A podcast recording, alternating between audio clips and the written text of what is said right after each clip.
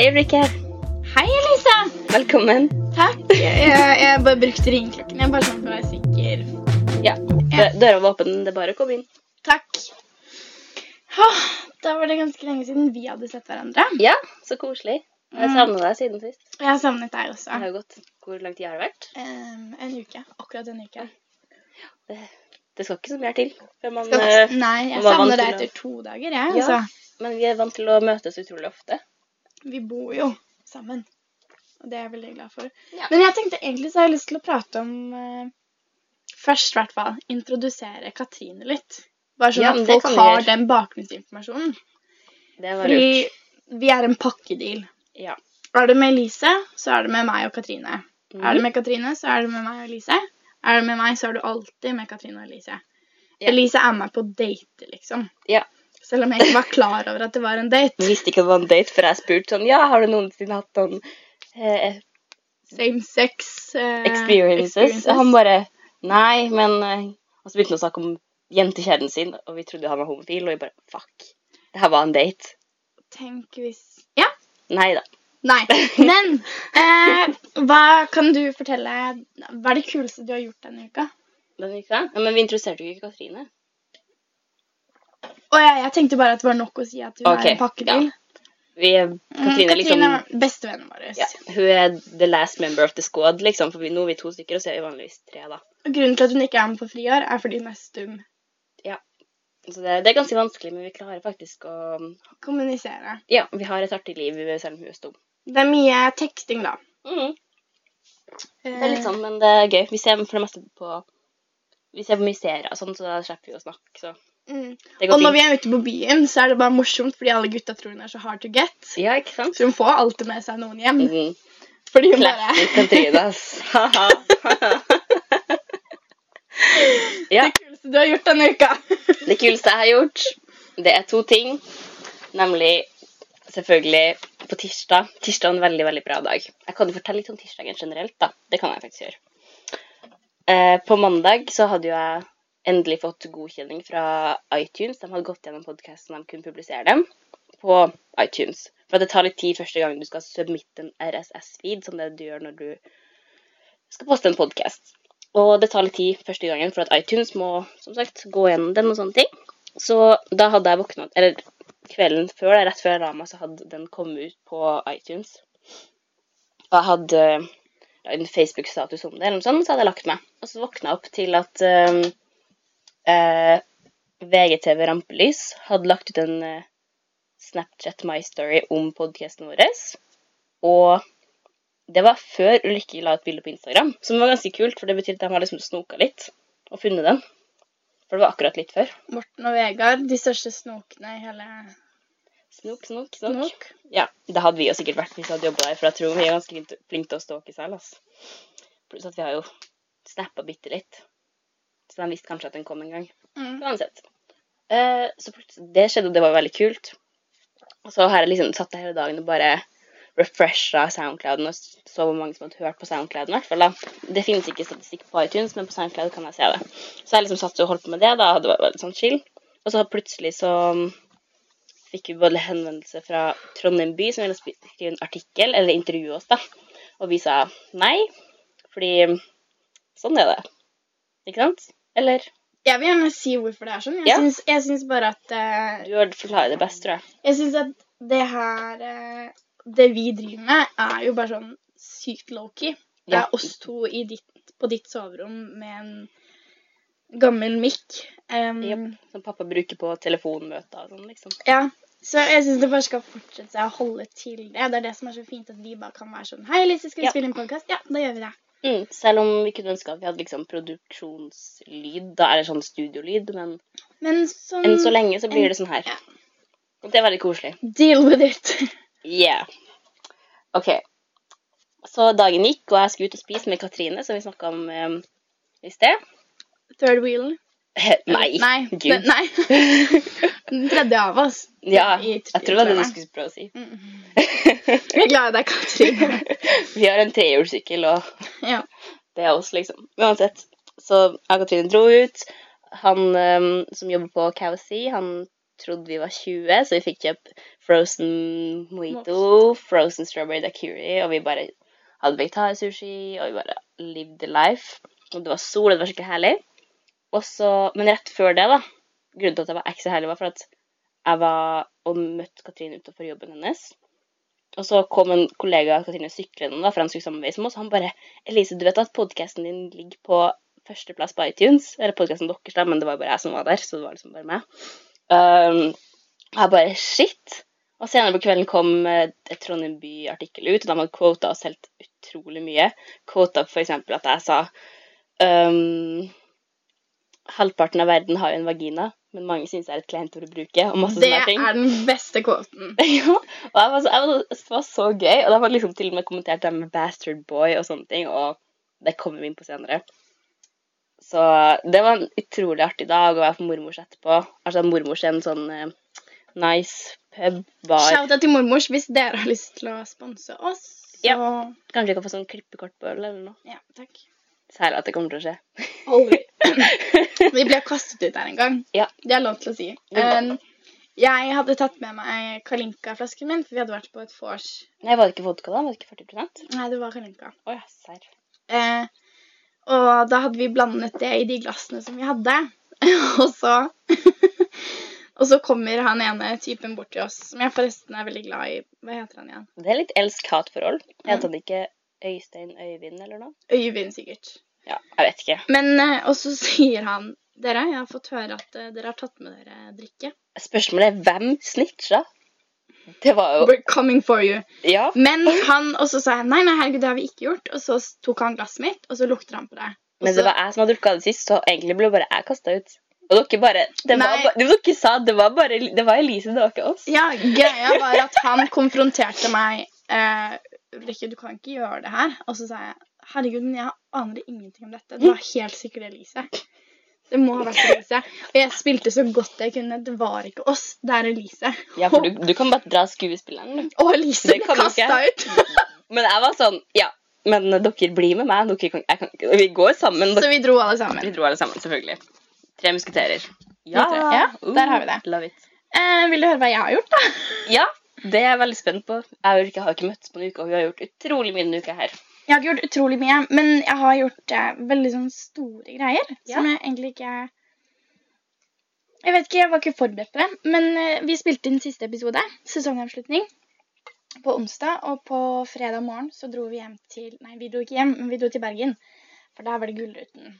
Og det var ingen som visste at vi skulle komme dit. Så vi var ikke på rød løper eller noen ting. Men hele dagen gikk til liksom generalprøver og utdeling av priser. Spennende. Og eh, det som var veldig kult, fordi den inntreden som vi fikk, det Jeg burde egentlig ha søkt opp, søkt opp navnet på forhånd, Gullruten-produsenten. Fordi at vi fikk lov til å skinne så mye som de lot oss skinne, det er Ja, dere- sinnssykt. Dere ble jo høydepunktet på Gullruten. De Det gjorde liksom- oss til høydepunktet. Ja, eller hovedpersonene. Det var liksom sånn skam-Gullruten, liksom. Mm. Jeg vet ikke, men det var utrolig spesielt. Det var veldig spesielt. Mm. Det, var, det er vi sinnssykt takknemlige for at Gullruten lot oss få lov til å gjøre det. Mm. Men mm, vi, det var generalprøve, og så sto vi jentene bak teppet, og så tenkte jeg Jeg tenkte at alle som skulle representere pris, eller dele ut pris, sto bak det teppet. Ja. Og så sto vi der, og så sa jeg dere «Jen- visste ikke selv? Nei, vi hadde ikke peiling på hva som kom til å skje. Vi hadde bare fått et manus, og det fikk Mm. vi samme dagen. Uh, og så gikk teppet Nei, så sto vi bak teppet, i hvert fall. Så holdt vi hverandre litt i hendene og var litt sånn Herregud, jenter, nå skjer det. Nå, dette er så kult. Jeg er så glad i dere. Det var generalprøven, da. Og så gikk teppet Nei, så, sa- så sa jeg Herregud, tenk hvis vi spiller Dick in the Air. Det hadde vært så lættis. Ja, for den er fra en uh... Det er fra første scenen hvor vi drar på Penetrator Force til Ja. eh, Bor Borkis. Ja. mm, Det første, den første festen vi er på. Eh, hvor Vilde får clean med William. Første yes. klinescenen min. Jeg var kjempenervøs. Eh, veldig rart. Men eh, Og så gikk teppet opp, og så spiller de Dick in the Air. Og vi jentene, vi bare Herregud, så kult! Vi skjønte jo ikke før etterpå hvor stas de gjorde av oss. Og det var, det var liksom eh, Stian Blipp introduserte oss med De har ikke vært på den røde løperen, men Og dette er deres første offentlige opptreden. Her er Skam-jentene. Mm. Og det var bare det var en sinnssykt kul opplevelse. Det Jeg koste meg masse. Fantastisk å se på. Ja. Men har du ikke noe litt sånn artig som skjedde på afterparty, da? Litt sånn gossip. Ja, jeg har egentlig masse gossip, men jeg tror ikke jeg skal utlevere noen. Men det beste var jo at alle skamjentene Ja. At alle skamjentene hang masse med hverandre. Ikke sant? Eh, og Som en liten familie. ja, pluss alle de som jobber bak det. Så vi hang for det meste sammen. Um, så plutselig så får jeg en melding på Facebook av Kristoffer Cezinando. Og de som ikke vet det, det var han som vant Urørt i 2016. Han er en helt sinnssykt talentfull Mm. eh, både artist, men spesielt live performance. Han er, Elsker det. han er dødskul. Um, og så sendte han meg melding, og så sa han For vi hadde møttes backstage, og så sa han her er nummeret mitt, bare ring meg hvis det er noe. Nei, ikke bare ring meg hvis det er noe, men ring meg, så møtes vi. Ja. Eh, og så til slutt så fikk vi møttes. Um, og satt og prata litt. Han hadde med seg sidekicket sitt, B-boy Myhre. Aka Benjamin Myhre. Er han kjekk? Eh, begge de to er kjempe... Altså, men eh, de er ikke sånn For jeg vet ikke hvor, jeg tror ikke jeg vet hvordan han ser ut, egentlig. Nei. Men de er, de er begge veldig pene. Men det viktigste er jo liksom Altså, de er så kule. Ja. Det er det som er det sykeste. De er goals. Men Squad. Fordi jeg tok det opp med den, da. For jeg var på konsert med Cezinando i eh, august. Og da sto jeg forrest og blottet meg. For jeg var så gira. Jeg elsker Cezinando. Jeg det sto- Ja, jeg sto forrest og skrek og blottet meg hele kvelden. Eh, og Cezinando og Benjamin var sånn Ja, vi har deg på film. Nei, de husker så- det. Ja, men, nei. men de husker at jeg blottet meg, men de har ikke på film at jeg blottet meg. OK, det er bra. Så det er bra.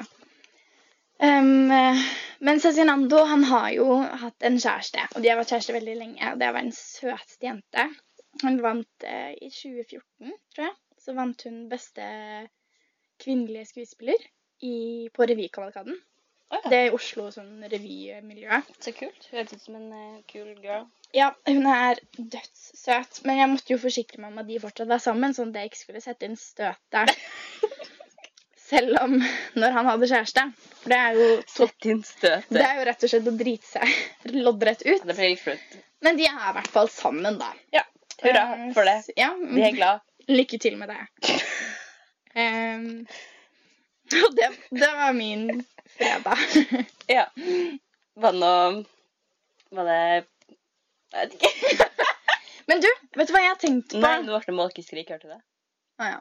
Ja, ja. Vi har, fått- vi har fått litt omtale på at vi har noen måkeskrik i bakgrunnen. Det er latteren vår. Vi, vi, vi bare Vi prøver, liksom. Men vi skal forbedre hvis vi tenker på det. Men eh, vi har jo snakket litt eh, før, og det er jo egentlig et tema nå. Det, det med å sende nakenbilder når du er I det hele tatt, det å sende nakenbilder er jo ingen god idé. Du gir jo noen ansvaret for et bilde som avslører veldig mye om deg. Ja. Så jeg, altså, det skjer jo kanskje litt oftere, da, at det er jenter som får eh, bildet sitt avslørt, enn at det er gutter. Sånn som Jennifer Lawrence, for eksempel. ble ble Ja. hacka. iClouden hennes ble hacka. Og Til og med Jennifer Lawrence sender eh, Ja, det jeg syns det var klein. Jeg syns det var skikkelig flott. Ja. Den var litt artsy, men litt klein, da. Den var klein Ja. hvis de skal liksom være sånn oh, nudes, men er, hvis de skulle være litt artig, så var han ganske artig. Jeg husker jeg tror jeg var elleve da Miley Cyrus sine første sånn, bilder ovenifra når hun hadde på seg bikini og lagde trutmunn, kom ut. Og det var bare sånn skandale. Ja, jeg skjønner ikke hva er gærent med bikini. Altså, enten så må man slutte å se nakenbilder, eller så må man starte bare ikke synes at kropp er så big deal, egentlig. Tror jeg, da. Hvordan er ditt forhold til din kropp? Mm, det har ikke alltid vært sånn superbra. Jeg har ikke alltid vært like selvsikker, men akkurat nå så er jeg ganske selvsikker, og jeg vet akkurat hva jeg måte vil, da. Og jeg, hva- jeg syns er greit, og jeg er egentlig veldig komfortabel. Jeg har liksom ingen sånn Jeg kunne selvfølgelig Ja, jeg kunne alltid ønske jeg var tynnere, eller liksom mer sånn Ikke hadde så store fotballegger, liksom. Men um, jeg, det går veldig fint med det akkurat nå. Jeg følte jeg har blitt veldig voksen på akkurat det der. Jeg tror en av de tingene jeg har lært bare sånn generelt, det er vel egentlig det å ikke snakke om Fordi for meg Du har egentlig aldri nevnt fotball lenger, men jeg vet jo det er et kompleks for deg. Men det er aldri en god idé å stå foran speilet med venninnene sine og si åh, jeg føler meg så oppblåst, eller åh, jeg har så slappe pupper. Fordi med en gang du snakker om det, så blir det mer av det. Ja, da blir det sånn negativ Du greie. bevisstgjør deg selv det. Mhm. Og jeg tror også det er fint for venninner å ikke få den oppgaven at man alltid skal måtte si nei, nei, nei, du er kjempeflott, og, og så videre. Hvilken film er det fra? Hvor de bare står i speilet sånn? Var det kanskje Mean, Mean Girls? Girls. Ja. Helt sikkert Mean Girls. Og det, det er jo bare så teit. Det er sånn De har sånn ritual på å bare liksom, henge seg selv. Ja, men samtidig som det er teit, så er det sinnssykt naturlig. Jeg tror det er sånn alle gjør. Men det er jo ikke sunt på noen som helst Nei. måte. Det er jo ikke noe morsomt heller. Det er ikke sånn La oss vorse litt og kommentere hvor stygg kroppen vår er, liksom. Det høres ut som et jo- dårlig vors. Ja, det er mange vennskap som baserer seg sånn kun på det overfladiske. Ja. Altså At man har det til felles at 'Å, jeg liker å sminke meg, jeg liker å kle meg fint'. Og det er jo altså, det er sånn vennskap eksisterer, med Mhm. felles interesser. Ja. Men jeg tror ikke det er en sunn trend å fortsette å holde på. Nei, vi burde heller basere det på hvor gøy dere har det sammen, hvordan man klarer å snakke om ting, hvis man klarer å ha gode samtaler, stole på hverandre. Hvor komfortabel man er egentlig. Ja, kan du liksom uh, skifte tampong på samme do som venninna di, liksom? Jeg har jo sam i samme Ja. Første gangen jeg har dusjet foran noen som helst, det var vel jeg, etter at jeg møtte dere. Var det det? Mm, jeg har aldri Altså for meg er sånn jeg, jeg, Søsteren min hun er på do med døren åpen og alt det. Jeg syns det er helt motbydelig. Men når jeg er med deg og Katrine, så er det liksom sånn, sånn er, Når dere er så åpne for det, så kan jeg også være veldig åpen med det. ja, det er jo annerledes med familie, for liksom, da blir det en familiegreie. Men når du finner at andre folk også er litt sånn, så går det på en måte greit. Og det er kanskje litt, kanskje det var litt bra for deg. Ja. Ikke. Jeg tror det. Dere utfordrer meg og pusher meg litt. Mm. Men jeg har fått et uh, spørsmål som jeg syns var veldig Det var ikke tungt å ta imot, men det var et veldig alvorlig spørsmål. Em, og jeg syns det var så velformulert. Så, for- så, for- fordi spørsmålet er liksom formulert og bygd opp sånn at først så forteller personen litt om hva personen har opplevd, og så kommer spørsmålet. Men jeg skal lese hele spørsmålet. Hvilket forhold har du til psykisk helse?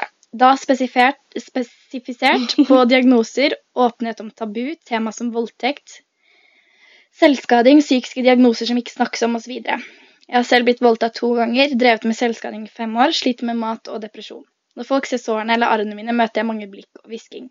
Hvordan kan vi forhindre sånn, og hvordan kan vi få mer snakk om psykiske diagnoser? Psykisk helse er minst like viktig som fysisk. Hvorfor så mye tabu om det? Her var det mye. Først og fremst um, helt enig med at um, det er så mye tabu. Uh, eller tabu, hvordan sier man det? Tabu. Tabu. Ja. Det er ikke et ord jeg bruker. Det er litt tabu å si det ordet.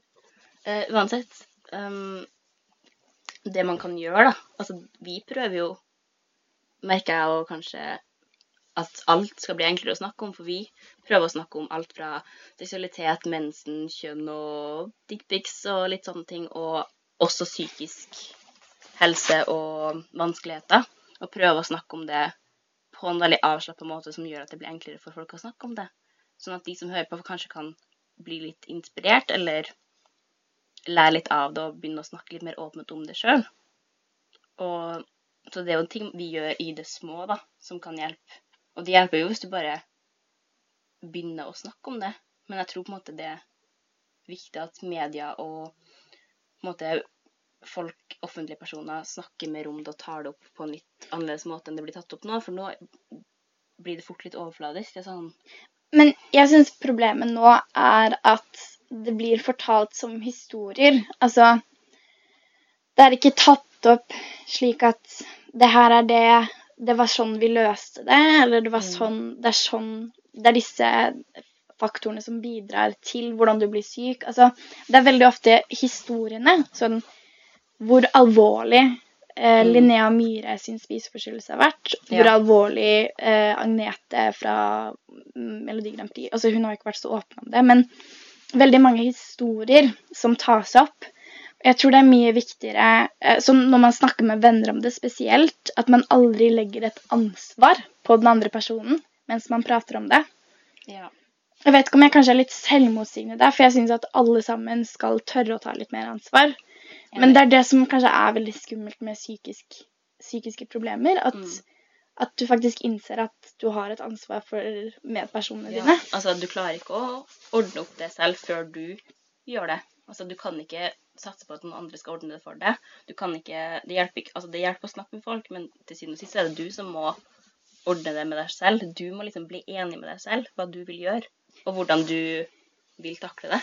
Jeg tror at eh, det Altså, med det du sier der, så mener jeg at um, Altså, det er helt riktig, men eh, det første steget, eller et av de første stegene Det å snakke om det. Nei, det er å være Altså, det er å kanskje innrømme at man er syk, eller Ja. men jeg, men jeg husker sånn Selv når jeg slet med det Jeg var vel egentlig frisk hele tiden frem til Frem til nå, når jeg tenker herregud, jeg var jo veldig syk.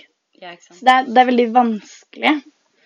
Men, men som jeg har sagt før, eh, bl.a. i en liten kronikk i Aftenposten, så mener jeg jo at du egentlig ikke har noen Du har egentlig ikke noe du skulle ha sagt, fordi du er psykisk syk. Og hvis du skal få hjelp, så, så kan du ikke Altså, så vet du ikke nok om det selv. Og uansett så er du Altså, du har ikke kontakt med virkeligheten på samme måte som menneskene rundt deg. Så, så det er veldig vanskelig å hjelpe seg selv. Det er veldig vanskelig, for at du må liksom gi opp uh, det du tror, for at andre skal kunne liksom hjelpe deg. For at Mhm. man, man tror jo man er så utrolig bevisst, men så er man kanskje ikke det likevel. Og så må man liksom bare Ja, jeg vet ikke. Det er et vanskelig tema å snakke om. Det, man har det liksom i hodet, men det er så utrolig vanskelig å formulere seg og si alt man mener. For det, det, ja, det er vanskelig å finne de riktige ordene, rett og slett. Og i hvert fall siden jeg og Rikke, vi begge har jo vært gjennom en del som er relevant til spørsmålet og temaet, og hva hun, eller du da, som har sendt inn spørsmålet, har vært gjennom. Så derfor blir det kanskje enda vanskeligere for oss å svare på det enn om vi faktisk ikke hadde så mye kjennskap til problemene. Men jeg syns det er eh, Altså, hele Hele budskapet, i hvert fall mitt Jeg skal ikke snakke på vegne av deg, Elise, men det er vel at vi trenger eh, mye, mye mer undervisning i skolen om det. Ja, enig. Jeg husker når, det, når vi leste om spiseforstyrrelser i naturfagboken, jeg tror det var to sider, hvor det sto anoreksi er at du spiser for lite, bulimi er at du spiser og kaster opp. Det var egentlig det. Det er sånn wow, OK. Liksom. Ja. Det var det. Det er jo, det er jo ingenting. Det er, det er så mange er dimensjoner av alle typer psykiske diagnoser. Og så spesielt diagnoser, da, blir jo Jeg vet om vel, Jeg vet om Jeg har deltatt i et prosjekt som heter eh, eh, Forandringsfabrikken. Eh, og det, de har bl.a. hatt eh, et prosjekt hvor de har snakket med barn fra barnevernet. Og barn som har deltatt eller vært innenfor psykiatrien, da. Og det som er helt sinnssykt forbløffende, er jo at de som former psyk psykiatrien, og de som former barnevernet, har aldri spurt barna om hvordan de opplevde det. Nettopp. Det var første gangen noen gjorde det da Forandringsfabrikken spurte om det. Og det er jo, altså, det er jo de som har viktigst stemme av alle. De som faktisk har opplevd det og vært inni det. Det er jo dem det handler om. Det er dem det angår. Og, Ja, angår. Men både i psykiatrien og i barnevernet så var eh, den gjennomgående tematikken var at man ønsket seg mer kjærlighet. Og jeg ble fortalt eh, For jeg gikk hos en eh, terapeut i kanskje fire år, som fulgte meg gjennom tykt og tynt. Altså hun var gjennom alt. Hun var med familien min, hun kjente til alt ved min historie. Og siste møte, altså, altså siste gang jeg var med henne, så ga hun ikke engang klem. Og det eh, jeg er blitt fortalt senere at det er faktisk ikke lov, fordi det er veldig strenge regler innenfor terapi, sånn for å ikke danne eh, Altså det handler jo mye om seksuelle overgrep osv. At man skal være så forsiktig med fysisk kontakt at man faktisk ikke får lov til å vise den ømheten engang. Jeg syns det er helt tullete. Ja. Det, det er også en veldig vanskelig ting, for det er mange som er veldig sensitive på akkurat fysisk kontakt, men mange trenger det også for å vite at liksom en person er reelt eh, Altså, de tror på deg, de er på din side. Og den klemmen kan på en måte bety veldig mye. Ja, men jeg tror, altså, jeg tror fysisk kontakt, hvis Mm. man sliter med det, så tror jeg det ligger et mye større problem bak det. Fordi det er naturlig. Altså, det er et naturlig behov. Det er Ja. bevist at hvis du får en klem som varer ca. seks sekunder, så får du roligere hjerterytme. Altså alt sammen i hele kroppen din fysisk sett roer seg ned. Man trenger det. Mm. Folk burde bli flinkere til å klemme. Så akkurat det Det var litt rart. Jeg visste faktisk ikke at det var så strengt. Jeg hadde Jeg gikk til en sånn terapeut en gang, og hun har jeg møtt siden. Og jeg gir henne klem når jeg møter henne nå, men jeg tror ikke vi klemma da jeg møtte henne da, egentlig. Nei.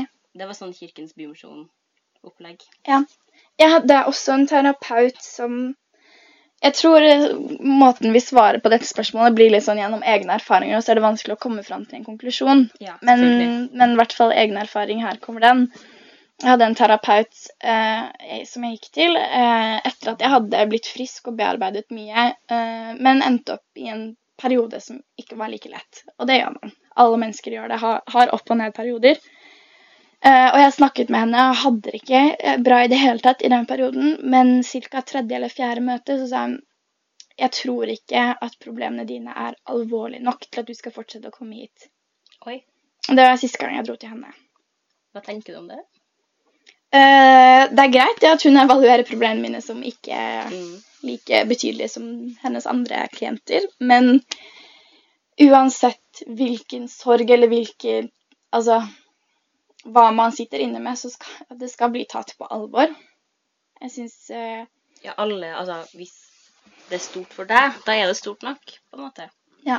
Selv om det ikke er stort nok for hun, for hun får sikkert folk som har altså, blitt utsatt for kanskje grove voldtekter, bortfør Jeg vet ikke.